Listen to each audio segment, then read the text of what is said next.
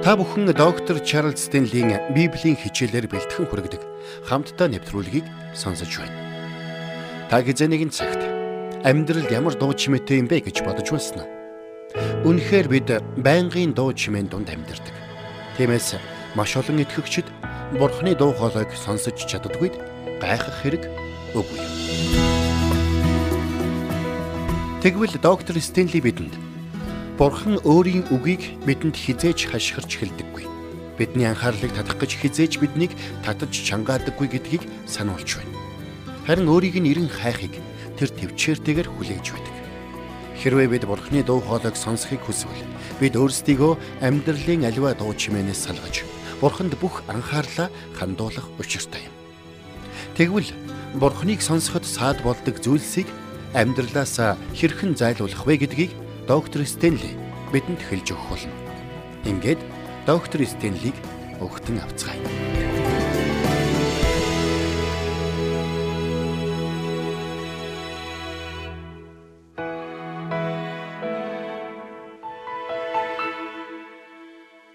Христэд итгэгчид бид эзэн бурхнаас сайн мэддэг нь эргээд бидэнд бурхны дуу хоолойг сонсоход саад болох нэгэн чухал шалтгаан болдгийм. Магадгүй та дотроо Би Христэд итгэвч хүн. Би Бурхныг мэдлгүй яах вэ гэж бодож байж болох юм. Мэдээж та түүнийг мэдсэн учраас л итгэсэн байгаа. Гэхдээ та Бурхныг хэр сайн мэдэх вэ? Үнэн дээр бид Бурхнаа сайн мэддэггүй учраас Бурхны дуу хоолойг төдийлөн сонсож чаддаггүй юм. Гэтэл бид эзэн Бурхнаа хэдий чинээ сайн таньж мэдэн төдий чинээ дуу хоолойг нь сонсож чадна. Хэдий чинээ түүний дуу хоолойг сонссон, төдий чинээ түүнийг таньж мэдэх болно. Тиймээс бидний хувьд Бурхны дуу хоолойг сайн сонсож чадахгүй эхний шалтгаан бол бид эзэн Бурхнаа сайн мэддэггүйтэй холбоотой юм. А харин хоёр дахь шалтгаан нь магадгүй та үнийг сонсоод энэ зүйл нь Бурхны дуу хоолойг сонсохдоо ямар холбоотой юм болоо гэж бодож үйж болох юм. Гэхдээ энэ бол шууд холбоотой. Тэр юу вэ гэвэл бид өөрсдийгөө үнэлдэггүй байдал. Бидний өөрсдийгөө харах хараа гажуудсан байдаг учраас бид Бурхны дуу хоолойг сонсож чаддаггүй юм. Бурхан надтай тоож ярихгүй дээ би хинч биш шүү дээ. Бурхан надтай ярина гэж байх уу гэж бид боддог. Гэтэл энэ бодол нь бидэнд Бурханы дуу хоолойг сонсоход саад болж байдаг юм. Тэгвэл таныг хэн болохыг би хэлж өгье. Та бол Бурханаар аврагдсан ариун хүн. Та ариусгагдж, зөвтгөгдөж Бурханы гэр бүлийн гишүүн болсон хүн. Тиймээс төрсэн эцэгтэйгээ харилцах хүүхэд шиг та Бурхантай чөлөөтэй харилцах боломжтой болсон юм.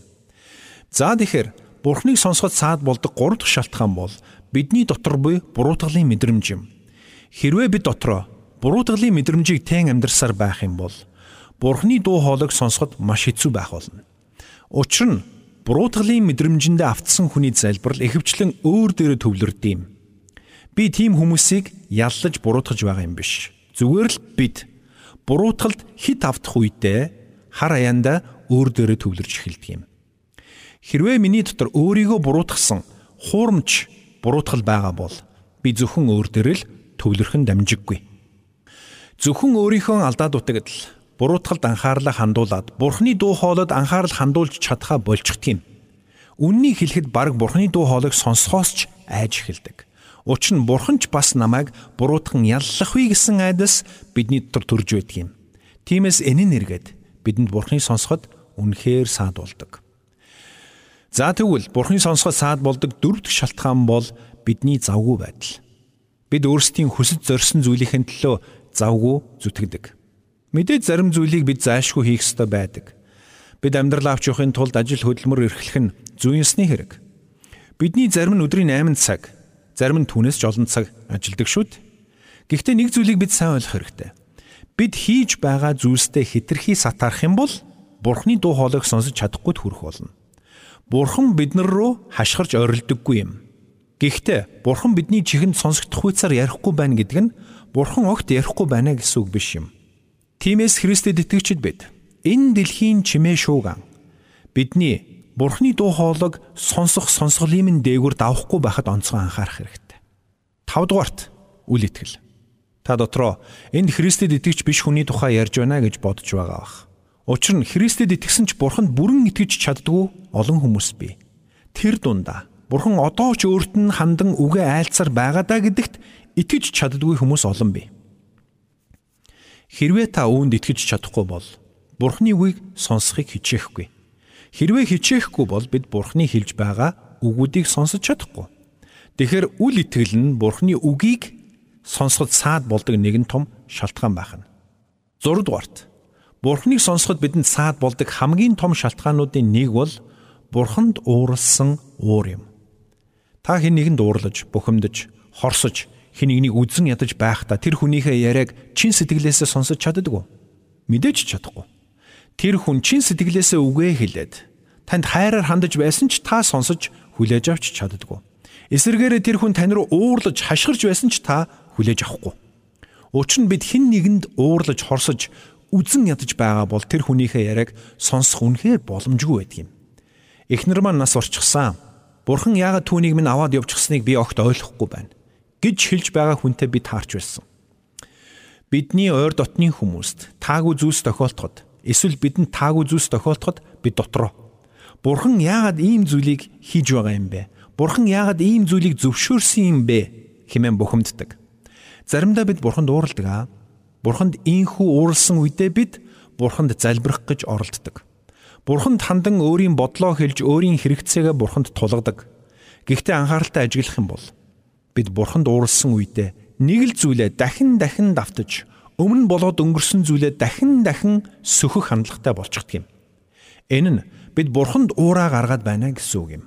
Хэрвээ надад ийм зүйл тохиолдоогүй бол хэрвээ ийм нөхцөл байдал үүсээгүй бол гэж бид бурханд гомдолдог. Та хэн нэгэнд уурлаж бухимдсан бол тэр хүнийхээ яриаг сонсоход танд маш хэцүү байх болно. Тэгвэл үүний нэгэн адил бурханд ууралсан үедээ бурхны дуу хоолойг сонсож чадхаа болдго юм. Нэм гарагт чуулган дээр ирээд Номлол сонсож байвч зүрхэндээ бурханд ууралчихсан явж байдаг хүмүүс цөөнгүй би. Ийм хүмүүс өөрсдийгөө буруутгахыг хүсдэггүй. Өөр хэн нэгнийг буруутгахыг хүсдэг юм. А оронд нь бурхан та яагаад ийм зүйлийг хийж байгаа юм бэ хэмээн бухимдаж бурхныг мөн буруутгаж явдаг юм. Гэтэл ихэнх тохиолдолд тэр нөхцөл байдлаа тэд өөрсдөө бий болгочихсон байдаг. Зарим тохиолдолд тэр нөхцөл байдал нь тэднээс шалтгаалаагүй байдаг а. Гэхдээ аль нь ч байлаа гэсэн тэд зүгээр л Бурхныг буруутгадаг. Хэрвээ та үнэхээр бүхнийг захирдаг юм бол, үнэхээр бүхнийг хяналтандаа байлгаж байдаг юм бол яагаад надад ийм зүйл тохиолдож байгаа юм бэ гэж тэд асуудаг. Тэд Бурханд уурладаг. Заримдаа тэд Бурхан залбирахдаа тэр уураа нуух гэж оролддог. А харин заримдаа нуулгүйгээр шууд уур бухимдлаа илэрхийлдэг. Тэгвэл найз минь хэрвээ чамд ийм асуудал байгаа бол чамд туслах нэг зүйлийг сануулж өгье. Та Бурхан руу уурлаж Түүн рүү хашгирсан ч Бурхан тань руу буцаагаад хашгирахгүй. Та Бурханд уур бухимдлаа чөлөөтэйгээр илэрхийлж болноо. Тэглээгээд Бурхан тань руу буцаагаад хашгирахгүй. Яагад вэ? Яагад гэвэл таныг өөрт нь уурлаж хорсож байгааг тэр сайн мэдэж байгаа. Өөрийг нь сонсож чадахгүй гэдгийг ч тэр сайн мэдэж байгаа. Яагаад сонсож чадахгүй байгааг ч ч ойлгож байгаа. Тиймээс Бурхан эргүүлээд хариу уурлаж хашгирдаггүй юм. Сургаалт өгс номын 15-ын 1 дээр Бурхан өөрөө айлдахдаа ээлдэг хариулт уурыг зайлуулах. Эвгүй үгс хилэнг хөдөлгөх гэсэн үг байдаг юм. Тийм учраас Бурхан тань руу буцаагаад хашгирч хариу уурлахгүй. Тиймээс та Бурханы дуу хоолойг сонсож чадахгүй байгаа шалтгаануудын чинь нэг нь энэ уур уцаар байж болох юм. Та Бурханд уурлаж түүнд бухимдаад яваад байгаа бол түүнийг сонсож чадахгүй гэдгийг ойлгоорой. За харин долоо дахь шалтгаан бол амьдралдаа гим нүглийг хурааж хуримтлуулах явдал юм. Би энд нүгэл үлдэх гэж хэлээгүй шүү. Би энд хурааж хуримтлуулах гэж хэлсэн юм. Өөрөөр хэлбэл тухайн гим нүгэл амьдралд чинь байгааг мэдсээр байж чи энэ асуудлаа шийдэх хэрэгтэй гэж бурхан хэлсээр байгааг мэдсээр байж тэр гим нүглээ амьдралдаа хадгалсаар байна гэсэн үг юм. Энэ тохиолдолд гим нүгэл таны сүнслэг харааг булангартуулах болно.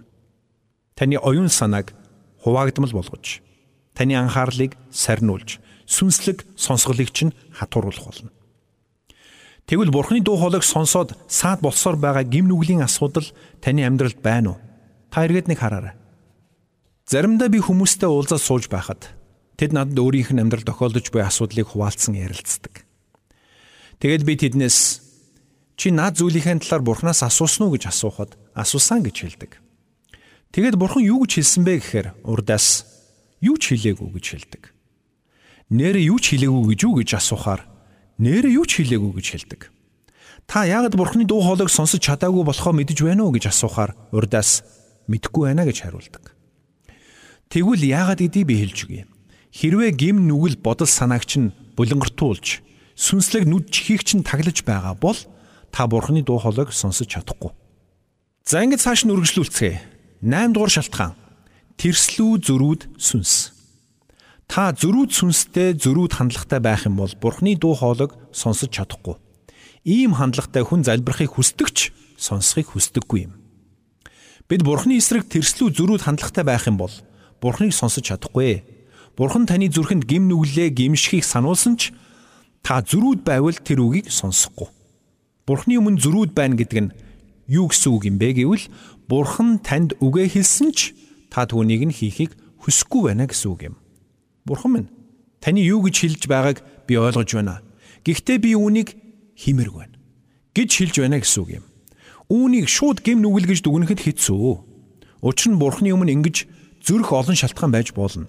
Жишээ нь Мосе, Гидеон, Йона гихмэд олон итгэлийн бааtruуд Бурханы хийгсэн зүйлийг хийхээс татгалзан зөрүүлж байсан тохиолдол бий. Магадгүй та айсан да.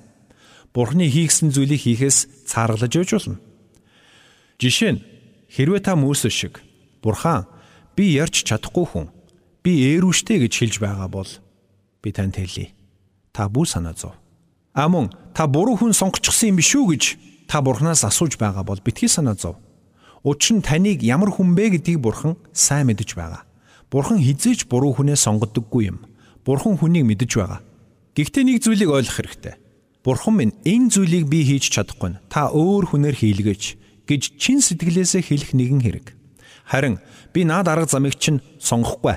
Үүний оронд би өөрийнхөө хүслээр ийм арга замыг сонгож байна гэж хэлэх тис өөр хэрэг шүү. Учир нь ингэж хэлж байгаа тохиолдолд таны дотор Бурхны эсрэг тэрсэлсэн зөрүүд хандлага гарч ирж байна гэсэн үг. Хэрвээ таны дотор ийм хандлага байгаа бол эцэстээ Бурхны дуу хоолойг сонсож чадахгүй төрөх болно. За харин 9 дугаар шалтгаан Энэ шалтгаан зарим хүмүүст хүлээж авахд амаргүй байж магадгүй юм. Бид Бурхны дуу хоолойг сонсож хүлээж авдаггүй нэг том шалтгаан бол Бурхны бидэн рүү илгээсэн хүмүүсийг бид сонсдоггүй. Бурхан олон тохиолдолд бидний эргэн тойронд буй хүмүүсээр дамжуулан бидэнтэй ярьдаг. Гэвч заримдаа бид тэрхүү хүмүүсийн зөвлөгөөг огт сонсохгүй байх нь бий. Хэрвээ бурхан зөвхөн бидний гэр бүл, найз нөхөд, хайртай дотны хүмүүсээр дамжуулан ярьдаг байсан бол илүү амархан байх байсан. Гэтэл заримдаа бурхан бидний дургүй хүмүүсээр дамжуулан үгээ хэлдэг. Үнэн дээр бурхан бүхэл төрлийн хүмүүс, бүхэл төрлийн нөхцөл байдлаар дамжуулан үгээ хэлдэг юм. Жишээ нь Элч Паулыг бодод үзцгээе. Бурхан Паулд өөрийгөө илчлэхийг хүсэж байсан. Тиймээс ч бурхан Паултай Дамаск орох зам дээр анх удаа уулзсан хэрэг биш. Стефаныг чулуугаар шидүүлэн амиа алдаж байхад Паул хажууд нь хараа зогсож байсан. Чулуугаар шидүүлэн амиа алдаж байхдаа нүүрнээс нь Бурхны алдар гэрэлтсэн байсан. Стефаны үхлээр дамжуулаад Бурхан Паулд үгээ хэлэх гэж оролдоогүй гэж үү? Мэдээж Бурхан Паултай ярьж байсан. Гэвч Паул сонсоогүй.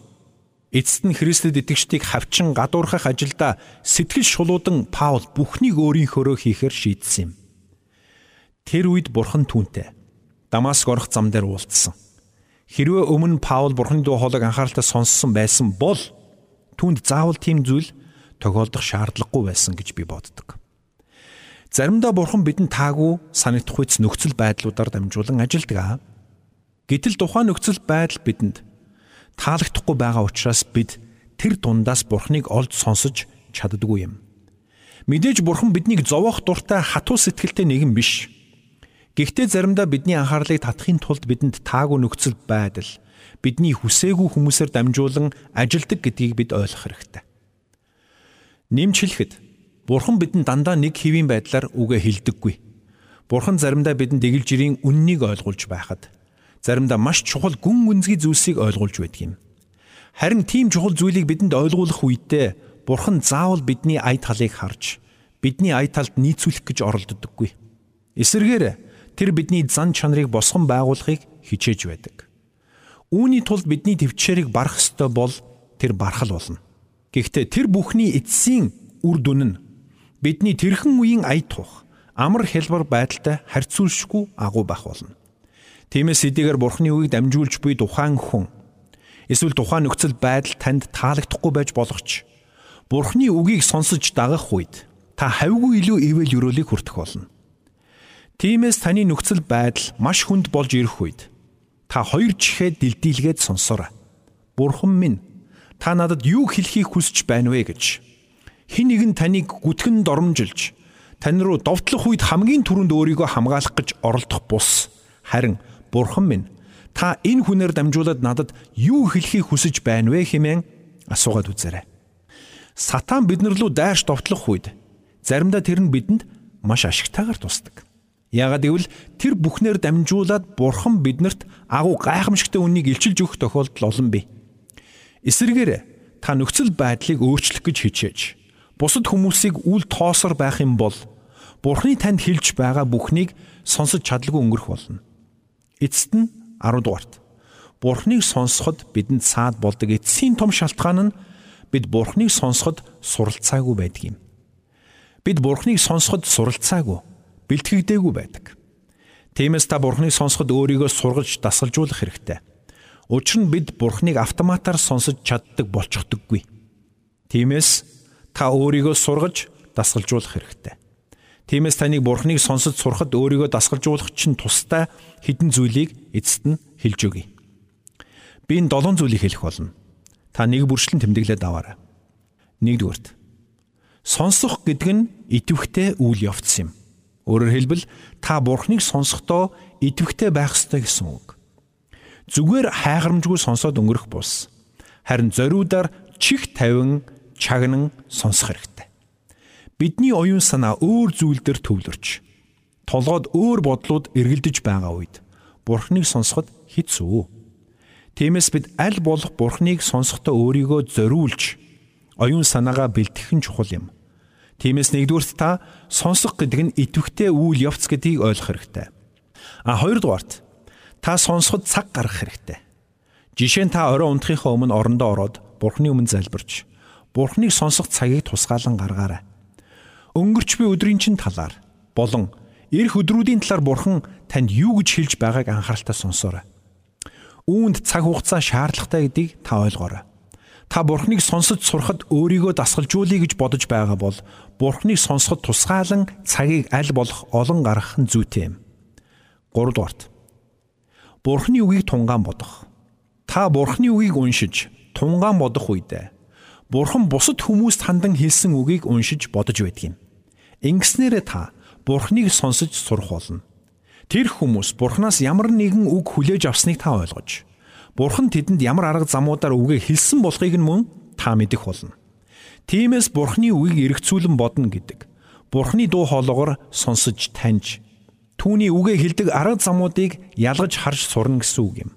Дөрөвдүгээрт Бурханаас асуулт асуу. Хэрвээ та Бурхны дуу хоолойг сонсож сурмаар байгаа бол түүнээс асуулт асуудаг байх хэрэгтэй. Бурхан минь та надад юуг ойлгуулахыг хүсэж байна вэ? Бурхан минь таны хэлсэн энэ үг яг ямар утгатай юм бэ? Таны надад хэлж байгаа утга санаа энэ мөн үү? Би энэ бүхэнд яаж итгэлтэй байж чадах вэ? Гих мэтэр олон асуултуудыг та асуудаг байх хэрэгтэй. Та ийхүү бурхнаас асуулт асууж эхлэх юм бол бурхан танд гайхамшигтайгаар хариултуудыг өгөх болно. Мэдээж таны жихэнд сонсогдох үецар дуу чимээгээр хариулт өгөх тухай бинд яриаггүй байна. Харин таны сүнс Бурхны дуу хоолойг сонсож сурах тухай ярьж байгаа гэдгийг та сайн ойлгоорой. 5 дугаарт Бурхан үгээ айлтах болно гэсэн хүлээлттэй бай. Бурхан бидэнд үгээ айлтах болно гэж Библиэд маш тодорхой амласан байгаа. Еврей номын 13:8 дээр Есүс Христ өчигдөрч өнөөдөрч бас мөнхөд хിവэрэ гэсэн байдаг. Тэр үнэхээр өнөөдөрч бидэнд үгээ айлтсаар байна. Бурхан биднийг хайрладаг учраас бид Бурханы гэр бүлийн гишүүн болсон учраас хүүхдүүдэд хайрладаг эцэг хүн хүүхдүүдтэйгээ ярилцах нь зүүн хэрэг байдаг шиг. Бурхан ч бидэнтэй ярилцах нь зүүн хэрэг юм.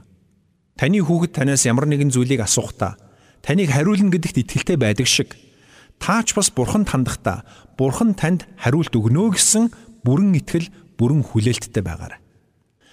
6 дугаарт сонсон зүйлийнхээ дагуу хариу үйлдэл хий. Энэ бол маш чухал алхам. Хэрвээ бид Бурханаас сонссон зүйлийнхээ дагуу үйлдэл хийхгүй юм бол бид Бурханыг сонсож сурахгүй. Магадгүй та дотроо Бурхан надад яг юу гэж хэлснийг би тодорхой мэдэхгүй байна гэж бодож байж болох юм. Тэгвэл би танд хэлж өгье. Та Бурханы танд хэлсэн гэж зүрхэндээ итгэж буй тэр зааврын дагуу алхам хий. Энэ нь та Бурханыг сонссон гэж итгээд тэр итгэлийнхээ дагуу зоригтойгоор алхам хийж байна гэсэн үг юм. Хэрвээ та зөв сонссон бол та Бурханы хүслийн дагуу үйлдэх болно. Хэрвээ та буруу сонсоод буруу тийш явж байгаа бол таныг хайрладаг Бурхан эцэгч нь таныг зогсох болно. Заримдаа бид буруу сонсож буруу хийх тохиолдол байдаг ч явцын дунд бид Бурханыг зөв сонсож сурах болно. Хүүхэд хөлд орхоос өмнө хэр олон удаа бүдэрч ундаг вүлээ дээ. Ганц хоёр алхаад л унана, ганц хоёр алхаад л унана. Гэхдээ тэглээгээд алхахаа зогсоож болохгүй шүү дээ. Бяцхан Самуэльч бас анхандаа Бурхныг сонсож сураагүй байсан. Бурхан 3 удаа түүнийг дуутахад тэр Бурхны дуу хоолой гэж таньж чадахгүй байсан. 1-р Самуэлийн 3-1-ээс 10-ыг танд дахин дуудаж өгье. Балчир хөвгүүн Самуэль Елигийн дор эзэнд үйлчилж байв. Тэр өдрүүдэд эзний үг ховор үзэгдлүүдч цөөн байв. Нүд нь муудаж эхэлсэн бөгөөд сайн харж чадахгүй болсон Эли өөрийнхөө газарт хөвтөж байх тэр цагт Бурхны дэнлүү хараахан унтраагүй байсан агаад Бурхны авдар орших эзний сүмд Самуэль хөвтөж байв. Эзэн Самуэлийг дуутахад би энд байна гэж тэр хэлв. Тэгээд тэр Эли рүү гүн очин та намайг дуудсан тул би энд байна гэв. Харин Эли би дуудаагүй. Буцаад хөвт гэсэнд Самуэль яваад хөвтөв. Эзэн дахин Самуэль гэж дуудав. Тиймээс Самуэль босож Эли рүү очин та намайг дуудсан тул би энд байна гэв гэвчээлээ. Би дуудаагүй хүмүн буцаад хөвт гэв. Самуэль эзнийг хараахан мдээгүй эзний өгч түүнд илэрхийлэгдээгүй байжээ. Эзэн 3 дахь удаага Самуэлийг дахин дуудахад босож Эли рүү очин та намайг дуудсан учраас би энд байна гэв. Тэгэхэд Эли балчир хөвгүнийг эзэн дуудаж байжээ гэдгийг ажиж мэдэв. Тиймээс Эли Самуэлд явж хөвтөж амар. Хэрв тэр чамайг дуудвал чи эзэн минь айлдаж хайрал боолтон сонсож байна гэж хариулгив. Ингээд Самуэль явж байранда хэвтэв. Тэгт нь эзэн ирж дэрэгдэн зогсоод үрдийн адил Самуэла Самуэла гэж дуудав. Самуэль айлдаж хайрал боолтон сонсож байна гэв. Тиймээс бид Бурхны өгч буй өдөрдмж гэж итгэсэн тэрл өдөрдмжийг итгэлээрээ дагаад үзэх хэрэгтэй. Учир нь хэсэг хугацааны дараа тэр нь үнэхээр бурхны өгсөн өдөрдөмж мөн эсэх нь тодорхой болох болно. За ингээд сүүлих 7 дугаарт та бурхны үгийг хүлээж авсан гэж бодож байгаа бол бурхнаас баталгааг эрэлхийлээрэй. Учир нь бурхан танд үнэхээр үгээ айлтсан бол танд үүнийгээ гарцаагүй батлах болно. Хэрвээ та энэ бүхнийг хэрэгжүүлж бурхны дуу хоолойг сонсож сурах юм бол таны амьдрал гайхамшигтай өөрчлөлтүүд гарч эхлэх болно. Тиймээс та 1-р Самуэлийн 3-р бүлэгт бичгсэнчлэн айлдаж хайрал боолтон сонсож байна хэмээн залбирч хөвшөөрэй. Үнэн дээр бид бүгдээрээ Бурхны зарцнаар юм. Тиймээс та өрөөнтөр орондоо орохдоо эзний өмнө Бурхан минь би таныг сонсож байна. Айлдаж хайрал хэмээн залбираарай. Би таныг сонсож байна. Та надад үгээ айлдаач. Ямар ч арга замаар хамаагүй та үгээ надад айлдаач хэмээн залбирч хөвшөөрэй. Тэр цагт та Бурхны дуу хоолойг үнэхээр сонсох болно. Тиймээс та энэ сайн зуршлыг амьдралдаа хэвшүүлээрэй. Бас үр хүүхдүүддээ зааж сургаарай. Таны хүүхдүүд өсөж том болоод иш үзүүлэгч Самуэль шиг Бурхнаар гайхамшигтайгаар хэрэглэгдэх болно шүү. Бурхны дуу хоолойг сонссон гэдэгтээ итгэлтэй байх нь бидэнд урам зориг, итгэл найдварыг өгдөг. Доктор Стенли бидэнд Бурхны үгээр өлсөж цангах нь ямар чухал болохыг Ингэхдээ бид Бурхантай ойр дотн ховчлсон харилцааг тогтоохоос нааш санаа амарч болохгүй гэдгийг сануулж өглөө. Бид Бурханд бүх анхаарлаа хандуулахын тулд бид өөрсдийн бодол санааг хянаж нэгтэлж сурах учиртай юм. Тиймээс ч Элч Паул Колосей 3 дугаар бүлэгт итгэгч бидэнд маш чухал зөвлөгөөг өгсөн байдаг. Энэ цагийн төгсгөлд хамтдаа Колосей 3-ын 2-оос 8-ыг уншицгаая. Газар дээрхийг бус дээгүрх зүйлсийг эрмэлз. Учир нь та нар өгсөн бөгөөд та нарын ам Христтэй хамт Бурханд нууцлагдсан. Бидний ам болох Христ элчлэгдэх үед та нар ч бас яруу алдар дотор түүнтэй илчлэгдэх болно. Тиймд та нар газар дээрх эргэтнүүдийг өхвөл. Энэ нь садар сам. Бозар бол тачаал, муу хүсэл, шун хайрал болох шүтэн шүтэх явдал юм. Эдгээрээс болж бурхны хилэн дуулуургүй хөвгүүд дээр ирэх болно. Та нар тэдгээрийн дотор амьдарч байхдаа үнэн дээр тэдгээрийн дотор алхачил явсан. Харин идүүгээ та нар бас өөр хилэн хорон санаа гүтгэлэг болон амнаас гарах жигшүүрт үгс бүгдийг нь зайлуулж хаягтун. Амен.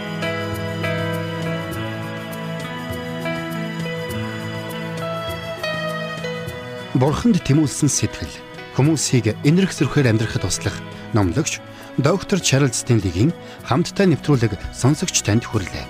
Нэвтрүүлгийг дахин сонсохыг хүсвэл ихтгэл радиоцик.com-оор зочлоорой.